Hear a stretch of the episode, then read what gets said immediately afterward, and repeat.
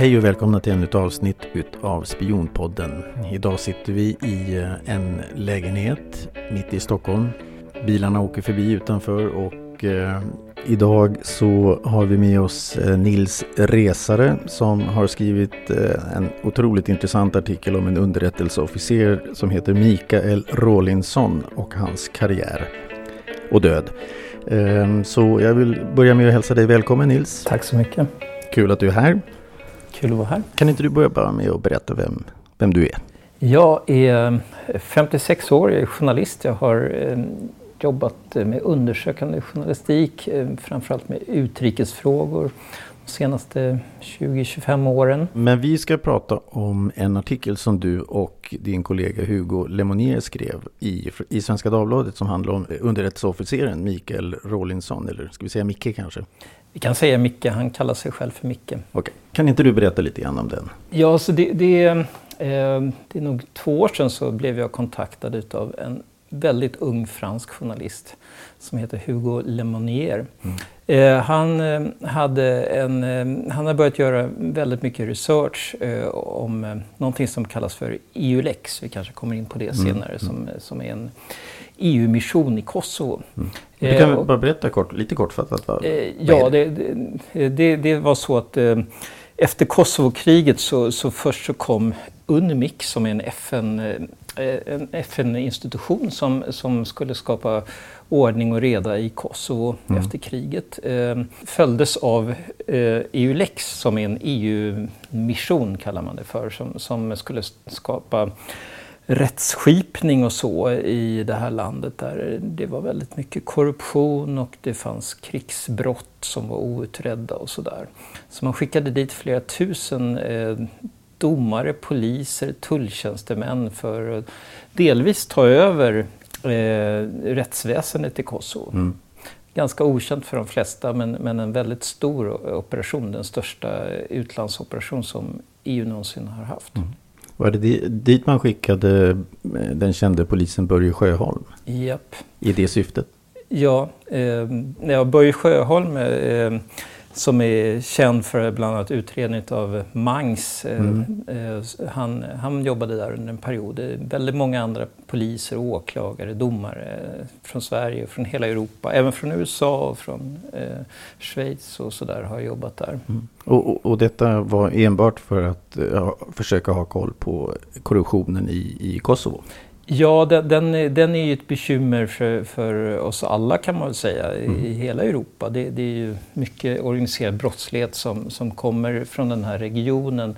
Eh, och eh, det, det, är mycket som är ouppklarat och eh, albanerna själva, kosovoalbanerna själva hade väldigt stora problem med, med rättsskipningen. Och, eh, det finns ju, eh, även i regeringen så finns det folk som är misstänkta för olika krigsbrott och sådär. Det var väldigt svårt för rättsväsendet, även om det fanns många duktiga, eller finns fortfarande väldigt många duktiga domare och åklagare i det kosovoalbanska rättssystemet så hade de väldigt svårt att hantera den här situationen där, där många politiker faktiskt själva kanske var, var förbrytare. Hugo tog kontakt med mig då och ehm, han, eh, han behövde hjälp därför att det fanns en väldigt stark svensk vinkel i det här jobbet som han hade hållit på att researcha jättelänge.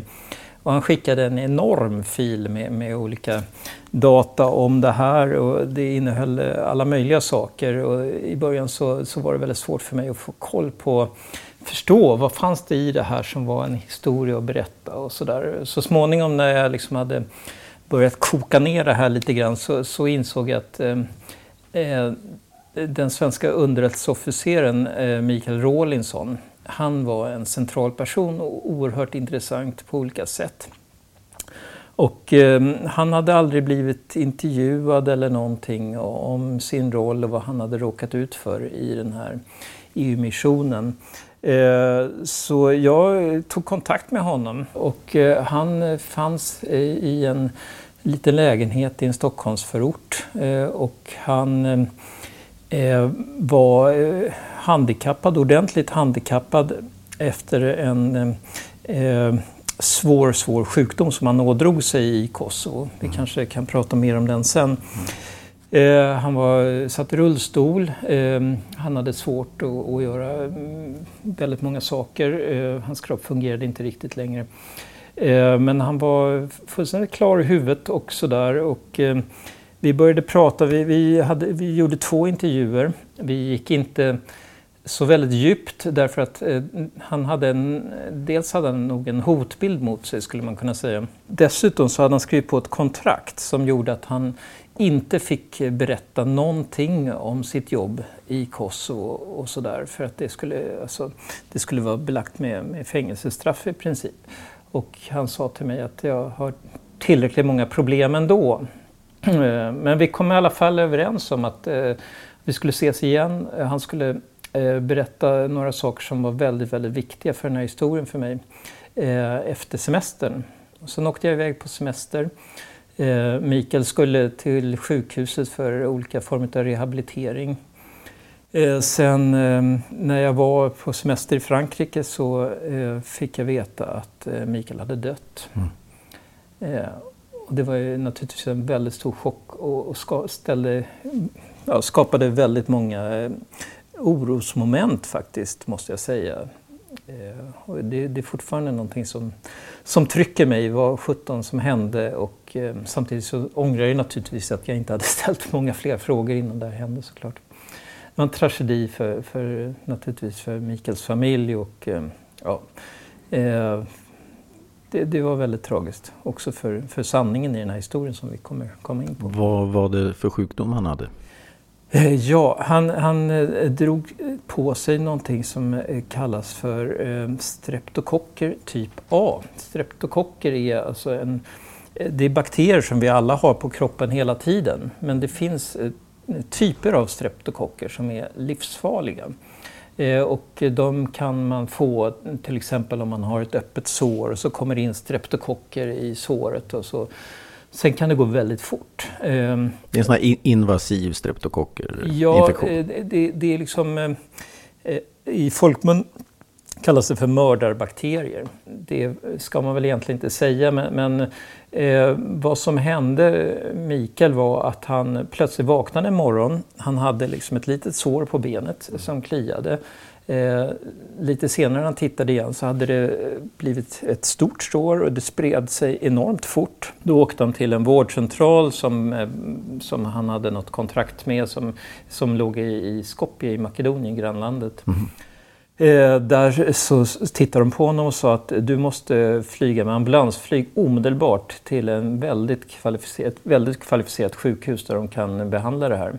Så han sattes omedelbart på ett ambulansflyg, flögs till Karolinska. Ehm, på de här timmarna det tog att flytta honom dit så, så han, han blev fruktansvärt dålig. Eh, de här bakterierna på något sätt, nu är jag ingen läkare, jag kan inte riktigt förklara det, men de äter upp muskulaturen i en fruktansvärd takt. Mm. Eh, och, eh, så vi pratar om timmar bara här? Ja, på, på några timmar så var han i princip döende. Och, eh, men ett stort team där på Karolinska eh, gjorde stora insatser och lyckades rädda hans liv. Men eh, hade han inte kommit till den kvalificerade vården så hade han inte klarat sig. Eh, och det här gjorde ju att han blev då väldigt, väldigt handikappad väldigt snabbt. Varför åkte han från Kosovo till? Det fanns ingen sån avancerad sjukvård i på Balkan. Aha. Så att det här... Jo, men han förflyttade sig till, från Skopje till Ja, just det. Berodde på att, eh, tror jag, att han gick... Han bodde delvis, han, hans eh, fru är från Skopje, så de hade en lägenhet där. Sen hade han en övernattningslägenhet i Pristina där han jobbade. Och, eh, jag tror att de hade någon form av avtal med, med det här sjukhuset där i Skopje. Det var, det var därför och sen så var de också... De ansågs vara bättre än de som fanns i Pristina, de, de sjukhusen där. Men, men fanns det inte någon eh, EU som kunde ta hand om honom? Alltså sjukvård? Eh, jag vet inte riktigt. Eh, men det, eh, Mikael var anställd eh, formellt utav Folke Bernadotte-akademin. Mm. Eh, och, som är alltså en, en myndighet, en svensk myndighet som ligger under utrikesdepartementet. Mm. Så att eh, jag antar att det fanns avtal som Folke Bernadotte-akademin hade på olika sätt. Eh, med, med olika sjukvårdsinrättningar och sådär. Jag, jag, tror att det var det som låg bakom mig, men jag är inte helt säker. Och hur, hur fick han det här? Ja, jag har ägnat många timmar åt att försöka förstå det. Jag, det var naturligtvis en av de första sakerna som jag frågade Mikael om när jag träffade honom. Ehm, och han var då... Eh, han tyckte liksom att det här ska inte du hålla på och ägna dig åt. Det är alldeles för... Det är nästan omöjligt att bevisa eh, att det skulle vara någon, någon slags förgiftning eller att någon skulle liksom ha spridit det här med flit. Ehm, Eh, och eh, jag tänkte väl okej, okay, jag släpper det. Men sen eh, så har jag förstått att många i hans närhet och även han själv ändå trodde att det var någonting konstigt bakom det här. Och jag har ringt till olika läkare och obducenter och olika personer med insikt i de här sakerna. Och det, ja, det är helt omöjligt att säga om, om eh, eh det här, det här kan vara helt naturligt. Eh, alltså det kan ha skett, eh, han kan ha fått det bara för att han var i, liksom vistades i miljöer där det fanns den här typen av sjukdomar.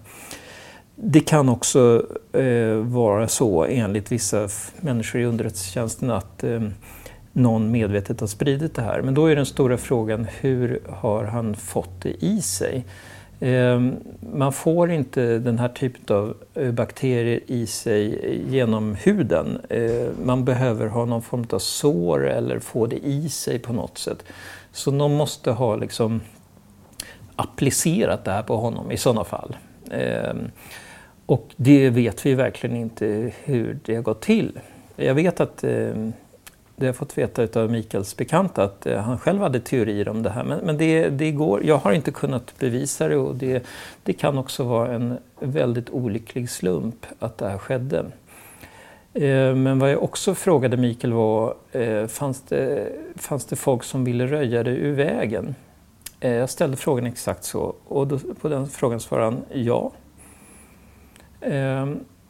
Och då, om man tittar på tidslinjen som vi har byggt, vi har lagt väldigt mycket tid på att förstå vad som hände, hela händelseförloppet kring eh, eh, den här förgiftningen då. Eh, så, så är det så att Mikael innan det här skedde, eh, han satt på eh, information som, som eh, som det var sprängstoff i eh, faktiskt. Eh, det var folk som inte ville att den här informationen skulle kunna komma ut. Och han blev först suspenderad från sitt jobb. Han, han blev liksom... Över en natt så eh, det kom in folk på, på hans kontor eh, sa åt honom att du måste omedelbart lämna ditt kontor. Han fick eh, lämna ifrån sig tjänstetelefonen, han fick, eh, de tog hans dator. De, de, eh, han var tvungen att, och i princip, man fick bara befinna sig i sin lägenhet. Ehm, han eh, fick naturligtvis gå ut men han fick inte prata med någon som jobbade inom EULEX. Eh, och det gjorde eh, enligt honom själv att han i princip hade husarrest. Eh, för eftersom eh, han kände folk överallt. Det, det, Pristina är ett litet ställe och väldigt många jobbade i, i EULEX. Så att han kunde inte prata med dem. Får jag bara pausa en liten sekund och backa lite?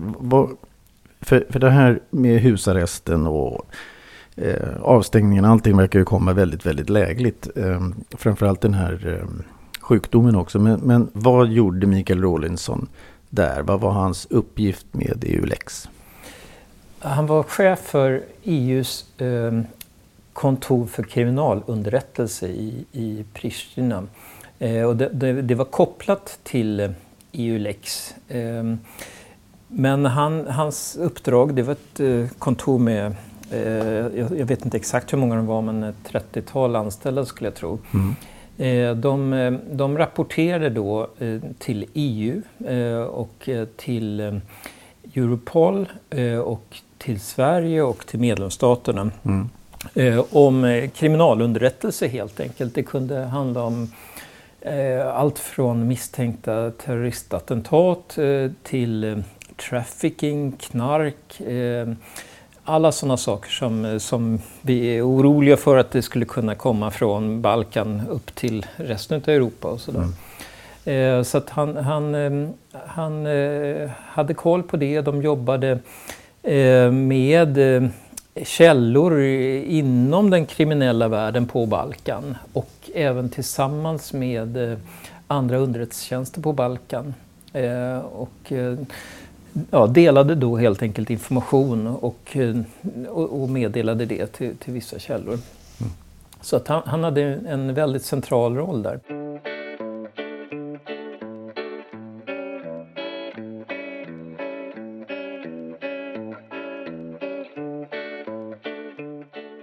Sen hade han ett annat uppdrag eh, som var lite mer udda. Eh, och det handlade om en utredning utav två utav EULEX högsta domare. Eh, alltså de som skulle döma eh, misstänkta krigsförbrytare och sånt där. Mm. Då var det så att han, han det pågick en förundersökning mot de här två italienska domarna. Och eh, Mikael Rawlinson ingick i den gruppen, som en väldigt speciell grupp som kallades för Ghost Team. Mm. Eh, där han eh, hade hand om eh, underrättelseinformation som, som rörde de här misstänkta brotten. Då. Mm. Och brotten de handlade faktiskt om att de här domarna hade tagit emot stora mutor mot att frikänna eh, krigsförbrytare och andra eh, ja, bombmördare och sådär. Det finns ett fall där man hade sprängt ett café eh, i luften och flera människor dog till mm. exempel. De, där, finns, där vet vi att, eh, att man försökte muta de här domarna och så. Så det pågick en utredning om de här mm. och den var väldigt, väldigt kontroversiell. Eh, därför att om de här domarna eh, skulle dömas eh, och bara det faktum att de utreddes var en skandal för, för Italien ja. som nation. Eh, att personer på den nivån tog emot mutor skulle vara så fruktansvärt allvarligt. Eh, är det han Florit? Ja, alltså, jag vet inte om vi ska nämna dem vid namn för de är inte, de är inte dömda. Jag har läst en artikel ifrån The Guardian eh, ifrån den 5 november 2014 och där finns det en domare som eh, anklagas för eh, mutor eh, som heter Florit. Är, är det han? Ja. Okej. Okay. Eh, och vi pratar om ganska stora summor, typ 3, 3 miljoner, alltså 300 000 eh, euro. Jag tror att det är min telefon. Ja. Svarar du? Nej, men jag stänger av Alltså de nämner ju honom här. I The Guardian. Ja, eh, absolut. Vi, Florit eh, tror jag vi namngav också i, i Svenska Dagbladet. Eh, den andra domaren däremot är ännu mer känslig. Men, men eh, vi vet vilka de är och eh, de har aldrig dömts för någonting eh, kan vi ju säga. Men Florit Hans rättsliga immunitet eh, tog man ifrån honom. Mm. Det är en väldigt, väldigt stark eh, åtgärd eh, i sådana diplomatkretsar. Eh, då måste misstänka, misstankarna vara väldigt starka. Eh, det var tydligen så eh, eftersom Kosovo först förvaltades, kanske man kan säga, utav FN mm. och sedan så tog EU-lex över Eh, så var det här beslutet tvunget att gå till Ban Ki-Moon, alltså FNs generalsekreterare, att, ta, att han skulle förlora sin rättsliga immunitet. Mm. Så det är på den nivån man fattar det här beslutet och då måste det funnits väldigt starka eh, indicier på att han, eh, att han hade gjort någonting som var, var felaktigt. Mm.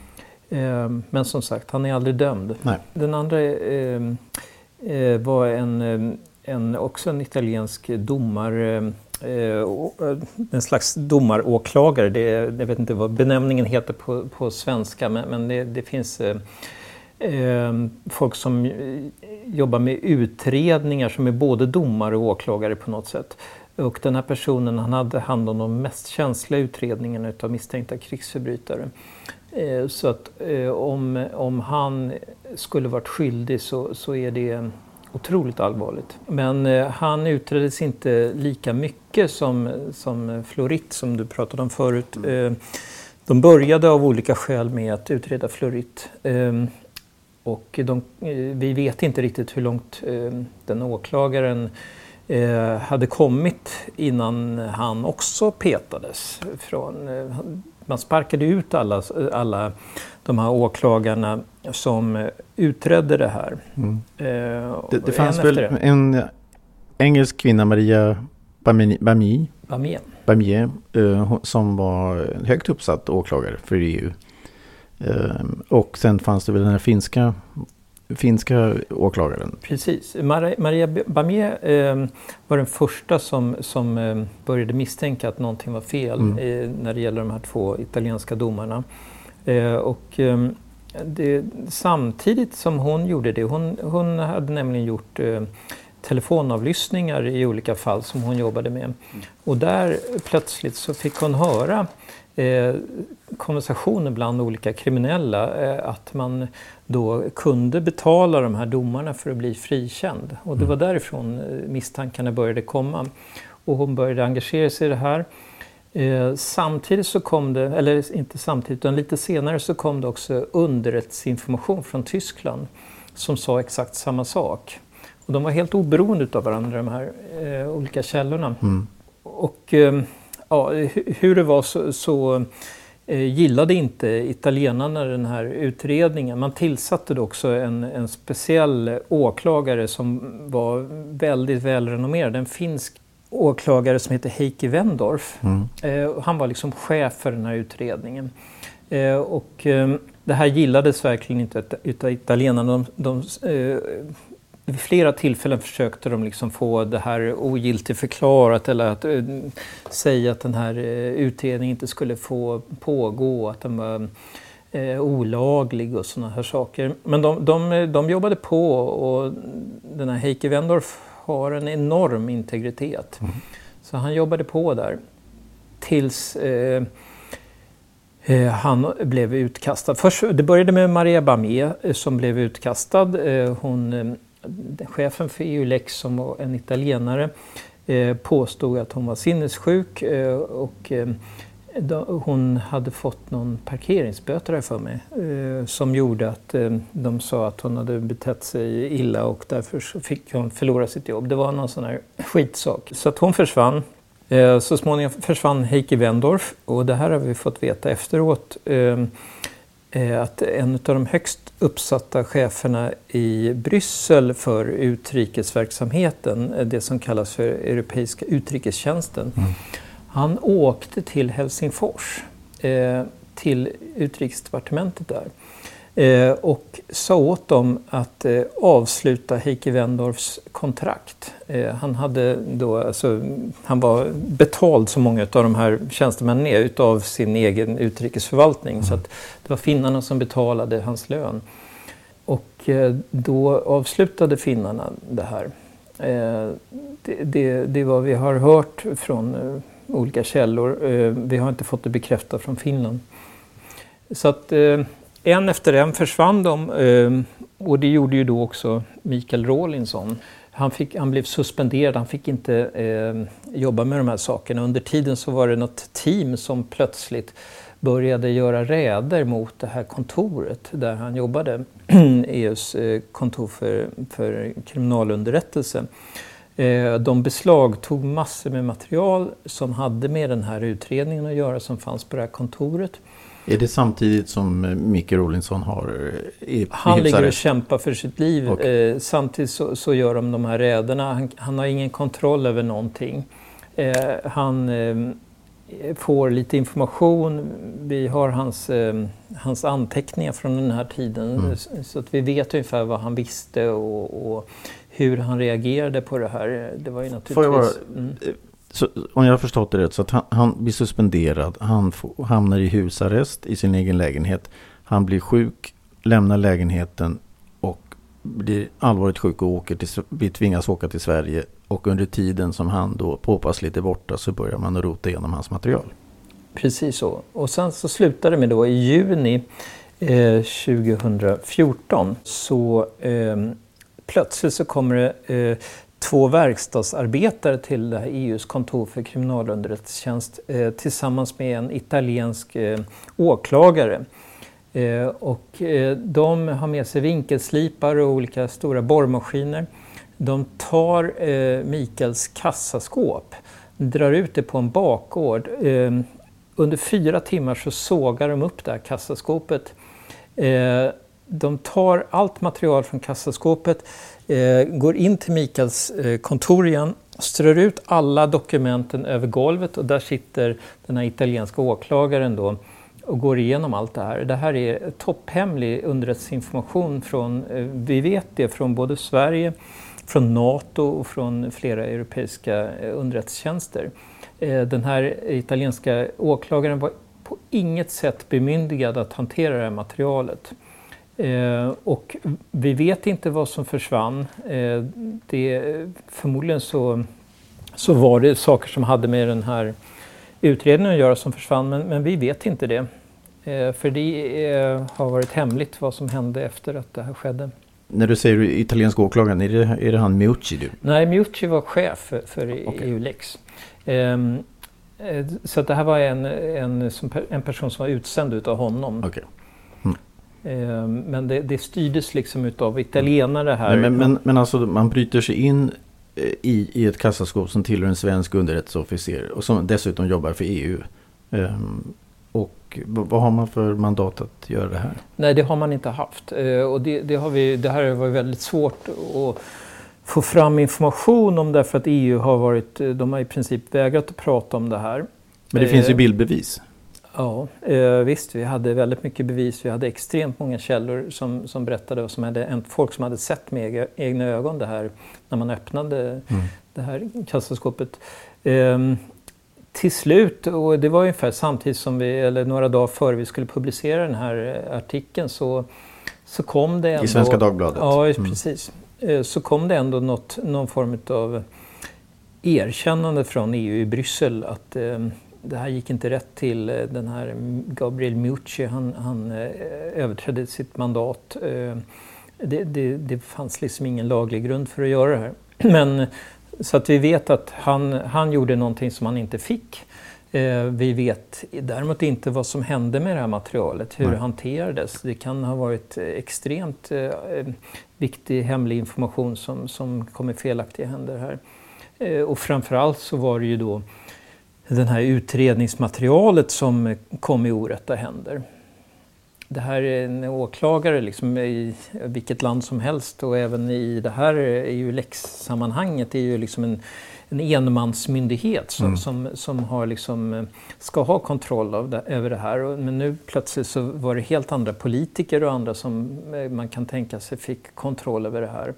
Och det är otroligt allvarligt. Det, det, det, är en skamfläck för EU. Jag tänkte att vi ganska snart skulle gå in på, gå tillbaka till Micke Rawlinson och vad som hände honom. Men eh, ändå det finns ju, jag har en siffra på att eh, EU-lex hade kostat fram till 2014, vilket är ganska många år sedan, hade det kostat över en miljard euro, alltså runt 10 miljarder kronor. Vad, vad, tror du att det kan ha någonting med att göra? Att Ja, nej men alltså det, det är ju ett prestigeprojekt för, för EU det här. Eh, fruktansvärt dyrt. Eh, man har liksom investerat massor i att få ordning på Kosovo. Eh, och det är viktigt för hela Europa. Och sen så när, eh, om det uppdagas då att det är korruption på allra högsta nivå inom EU, då blir ju det här väldigt besvärligt.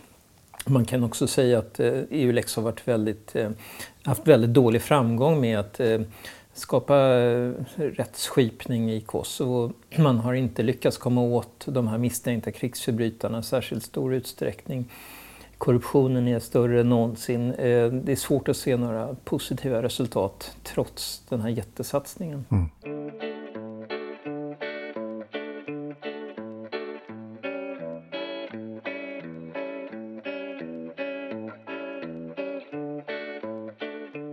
Men du, om vi återgår till Micke Rawlinson, en väldigt, väldigt erkänd eh, militär, kustjägare, fallskärmsjägare och eh, har jobbat nästan hela sitt vuxna liv inom underrättelse och militära tjänster. Blir plötsligt då eh, involverad i en historia eh, där vi bland annat har en åklagare som är anklagad för att ha gett, tagit emot mutor och friat eh, tre mördare. Kan det stämma? Ja, det var ju de här sakerna som han var med och utredde. Mm. Eh, och, och han samlade, hans roll i det här var liksom att skaffa underrättelseinformation. Mm. eh, underrättelseinformation i det här fallet är inte samma sak som hård bevisning. Men, men den kan ju ändå eh, tyda på någonting och, och sådär och, och sen så återstår det för åklagaren att hitta de hårda bevisen som kan användas i en rättegång. Men han var i allra, allra högsta grad involverad och vi vet, eh, vi vet i princip vilken typ av information han hade. Och det var information som, som skulle vara väldigt, väldigt besvärande för, för de här två domarna. Vad var det för information? Ja, det var bland annat eh, avlyssningar som var gjorda, telefonavlyssningar, eh, där man då både naturligtvis hörde vad folk sa men också fanns det GPS-koder som gjorde att man kunde fastställa var olika eh, konversationer hade skett. Mm. Och det här är väldigt betydelsefullt i den här utredningen. I ett fall så, så tror man till exempel att eh, den här domaren eh, helt fysiskt har fört ut pengar eh, från Kosovo eh, till Italien. Och det gick till så att eh, han körde i sin diplomatbil eh, över gränsen till Albanien och till hamnstaden Durres där han anlitade en någon båtägare mm. som tog honom och pengarna helt enkelt till Italien. Eh, så att de här pengarna registrerades då inte på några konton, det gick inte att följa dem. Eh, och då blev det väldigt eh, väsentligt liksom var den här domaren var vid olika tidpunkter. Om man då kunde fastställa att han till exempel var i Durres samtidigt som eh, till exempel personer som man misstänkte hade betalat honom pengar var där eller mm. så. Och så kunde man se olika sådana samband och det var den typen av information som Rawlinson hade. Och det var den typen av information som italienarna inte ville skulle komma fram? Nej, den, den fick ju bara inte komma fram. Ju mer man hör av den här historien så, så börjar man ju eh, undra, men han hade en sjukdom sen tidigare. Han hade en cancerdiagnos sedan tidigare. Eh, så att, men, men den var under kontroll och eh, hans anhöriga de eh, ansåg inte att den utgjorde något hot på något sätt mot Nej. hans hälsa längre. Okay. Så att det, det, nej, det, jag tror att det, det är väldigt mycket eh, de här streptokockerna då. Den här, det, det kallas för toxic shock, det han fick. Alltså någon slags eh, förgiftning eh, som gjorde att eh, även levern slogs ut och, och, och sådär. Det, det är men efter, efter den här händelsen som gjorde att hans, hans tillstånd försämrades väldigt mycket. Jag har hört att det var cancern som tog hans liv men att läkarna kunde nästan inte ge honom någon, någon behandling på grund av att han hade de här streptokockerna. Vad, vad har du tror du om det? Eh, ja, alltså det här det, det är väldigt känsliga saker att prata om och sådär. Eh, men, men eh, vad hans anhöriga tror, det är lite olika vad de tror, men, men en sak som de tror är att han fick en blodpropp och att det var därför han dog. Mm. Och han var enligt anhöriga i god form eh, kvällen innan. Eller, alltså han dog på natten, så på kvällen var han i god form. Han hade varit ute och ätit på restaurang. Så att det, det han drabbades av kom väldigt snabbt. Eh, och, ja, det, det kanske är sannolikt att det var en blodpropp. Jag, jag kan inte säga så mycket om det. Men vad har han berättat själv om, om det här såret på benet? Alltså det, han berättade just så att det var ett sår, han såg ett sår och sen så, så såg han att det, det, växte väldigt snabbt och sen visade han mig också bilder på det här när, när det här hade utvecklats efter ett par timmar. Mm. Det, det, var en fruktansvärd syn. Liksom. Benet var ju helt totalangripet. Eh, och det, vad jag läst är också att det här är fruktansvärt smärtsamt, mm. den här typen av angrepp. Så att eh, det, det var det, ja, en grym åkomma att råka ut för måste man säga. Vad eller vem var det som såg till, som gjorde att Micke Rawlinson blev inblandad i det här i Kosovo överhuvudtaget? Ja, det, som jag förstår det så var det så att eh, han, eftersom han höll på med underrättelseinformation och mm. eh, det här kom först från eh, tyska underrättelsetjänsten, eh, den här informationen om att de här eh, domarna då tog emot mutor. Mm. Eh, och sen, sen eh, det här var ofta, det finns flera fall som, som de här, den här åklagaren Wendorf undersökte. Flera eh, där man tror att mutor har betalats för att frikänna folk. Eh, och i, i, några fall så, så handlade det om kriminella, grovt kriminella personer i Kosovo. Eh, och det var ju de som, eh, som Mikael jobbade med eller eh, utredde kan man säga. Mm. Och, Eh, hans underrättelsetjänst jobbade också med olika källor i den här världen då, som läckte information och, och så. Så att han var ju väldigt användbar liksom just för att eh, få veta eh, ja, om det kan ha varit så att eh, olika eh, eh ja, eh, kriminella gäng då hade betalat mutor eller inte. Och så. Men om man tittar på hans historia, eh, Micke Rawlinson, så har han ju egentligen bara stigit i graderna och fått otroligt fina lovord bara han har jobbat. Eh, och plötsligt så blir han eh, misskrediterad och, och eh, sparkad ut på det här sättet. Ja, alltså jag, jag, måste säga att jag upplevde honom som en extremt professionell person. Mm. Eh, den här typen av underrättelseperson som aldrig råka säga någonting som han inte ska säga. Det, det var, han hade otrolig kontroll på allt han förmedlade och han visste vad han gjorde hela tiden. Eh, jag vet ju när, när han träffade mig, det, det, är helt uppenbart att han var helt enkelt förbannad. Mm. För att han hade ju eh, ja, blivit eh, illa behandlad av väldigt många olika parter i det här. Och ändå så uppträdde han så eh, korrekt och kontrollerat. Det, det, var faktiskt imponerande att se. Och jag har, eh, jag har ägnat väldigt mycket tid åt det här att gå igenom vem han var och, och sådär och pratat med många människor som har jobbat med honom och känt honom och sådär. Och, och eh, det finns ju ingenting som, eh, som egentligen talar för att han har gjort några fel. Eh, jag har inte hittat någonting förutom de här italienarna då som eh, den här Gabriel Mucci han påstår ju eh, att Mikael har gjort en massa fel och eh, det verkar helt enkelt inte stämma. Jag har verkligen gått till botten med varenda påstående. Eh, det är nog bara påhitt. Det, det, finns ju till och med uttalande från EU att eh, Rollinson inte har begått något fel men däremot har Meucci begått fel. Ja, eh, det finns ett sådant uttalande och precis. Eh, det är ju förvisso väldigt diplomatiskt uttryckt, vilket det alltid är i sådana sammanhang, men, men, det är ändå svart på vitt att eh, eh, Rawlinson, eh, det ska inte falla någon skugga på honom. Eh, det, det, är väldigt tydligt tycker jag. Mm. Eh, det, det, men vad gjorde eh, Sverige åt den, den här saken? Ja, Sverige, han var ju då som, som jag sa förut, han var anställd av Folke Bernadotte-akademin. Mm. Eh, och, eh, Men han var väl svensk militär? Just formellt hur han var anställd, det kan nej, jag inte riktigt nej. svara på. Men, men eh, han, han, var ju fortfarande svensk militär, så var det ju. Men han, hans kontrakt var med Folke Bernadotte. Och de, de engagerade sig nog helt enormt i hans öde under den här tiden när han blev suspenderad och när, när liksom han hade svårigheter.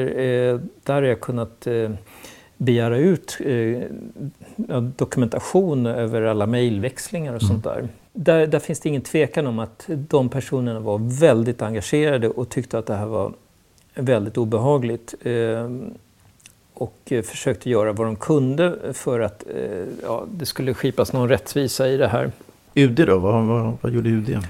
Alltså UD tog det på ganska stort allvar. Eh, de, de engagerade sig väldigt mycket. Det fanns eh, ambassadörer som, som faktiskt försökte förstå vad som höll på att hända här. Och en så högt uppsatt svensk eh, officer som plötsligt blir suspenderad. Man, man tar datorn. Man, man, det är väldigt oklart vad som händer. Och UD engagerade sig i det här till en början.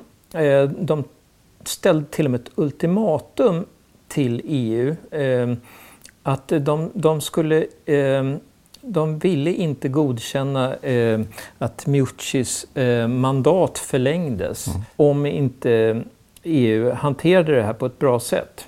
Och det, det, är väldigt, som jag förstått i diplomatsammanhang, väldigt ovanligt att en eh, medlemsnation eh, ställer den här typen av ultimatum. Det, det var, det var eh, väldigt, väldigt hård markering. Mm. Vad hände då med Mucci? Miucci fick fortsätta i två år. Eh, han satt säkert. Eh, och det är fullständigt obegripligt. Och eh, Sverige, eh, vad Sverige fick var att eh, EU eh, i Bryssel gjorde en utredning av hela den här saken där man bland annat förhörde Mikael. Det skickades poliser till Karolinska när han fortfarande var sjuk och, och de eh, gjorde långa förhör med honom. De gjorde också förhör med Mucci och eh, med den här inblandade italienska åklagaren och sådär. Sen gjorde man en rapport eh, som eh, dessvärre hemligstämplades.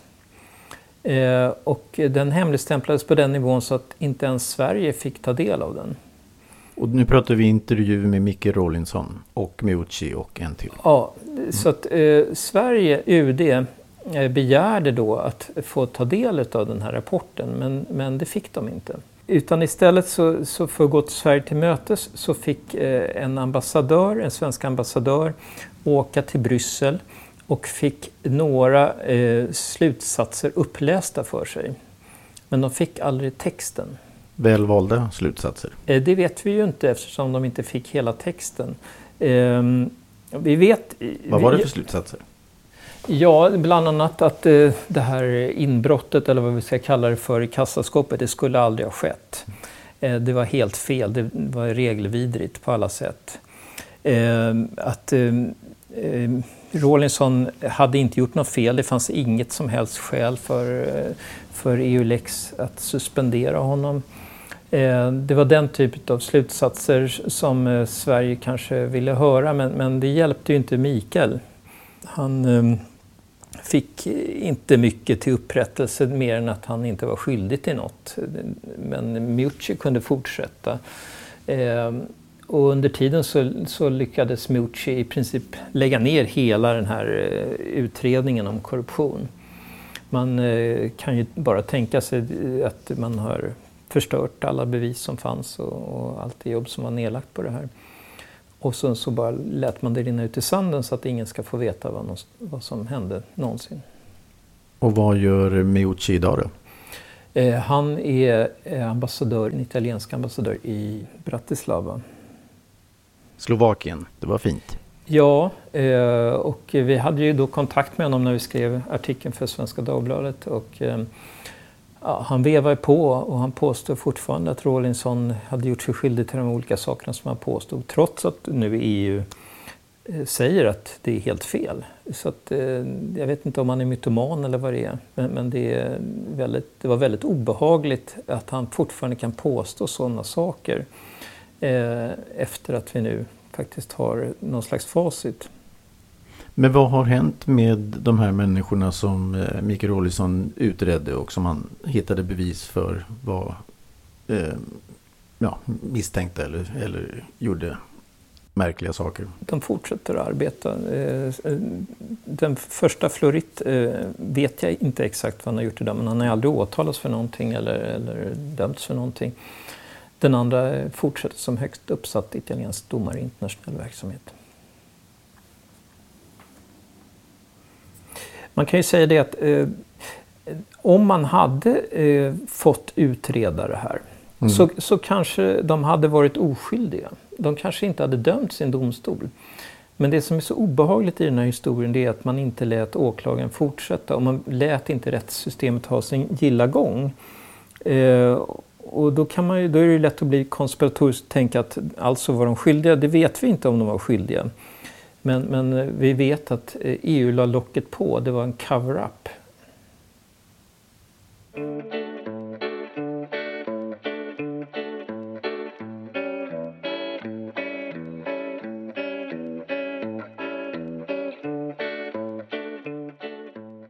Om jag ställer en fråga, eh, nämner ett namn Fredrika Mogherini som jag har på min lista. Vad, vad säger det dig i det här ärendet? Eh, Fredrika Mogherini är Italiens eh, högst uppsatta eh, politiker i EU-sammanhang någonsin. Eh, hon var tills ganska nyligen eh, chef för EUs utrikes och säkerhetspolitik, alltså en väldigt, väldigt viktig position. Mm.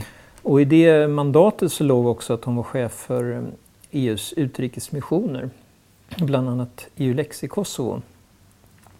Eh, och ehm, om man då återgår till den här tidslinjen som jag pratade om tidigare så kan man se att eh, italienarna de var redan innan hon tillträdde som eh, hög chef i Bryssel så var italienarna väldigt upprörda över de här misstänkarna mot, eh, mot eh, de två italienska domarna. Eh, och de skickade olika ambassadörer som protesterade och så. Men när eh, Federica Mogherini fick makten då började saker hända på riktigt. Och då, då fick Mucci på något sätt Eh, alltså ELEX-chefen fick ett mandat att, eh, att eh, sparka ut alla de här personerna som, som var obekväma, som utredde den misstänkta korruptionen. Det är många italienare inblandade. Det är många italienare inblandade. Det kan ju också vara en slump men det, det är väl tveksamt om det är det. Vad har egentligen hänt efter alla de här pengarna och utredningarna och allt som har gjorts under dessa år?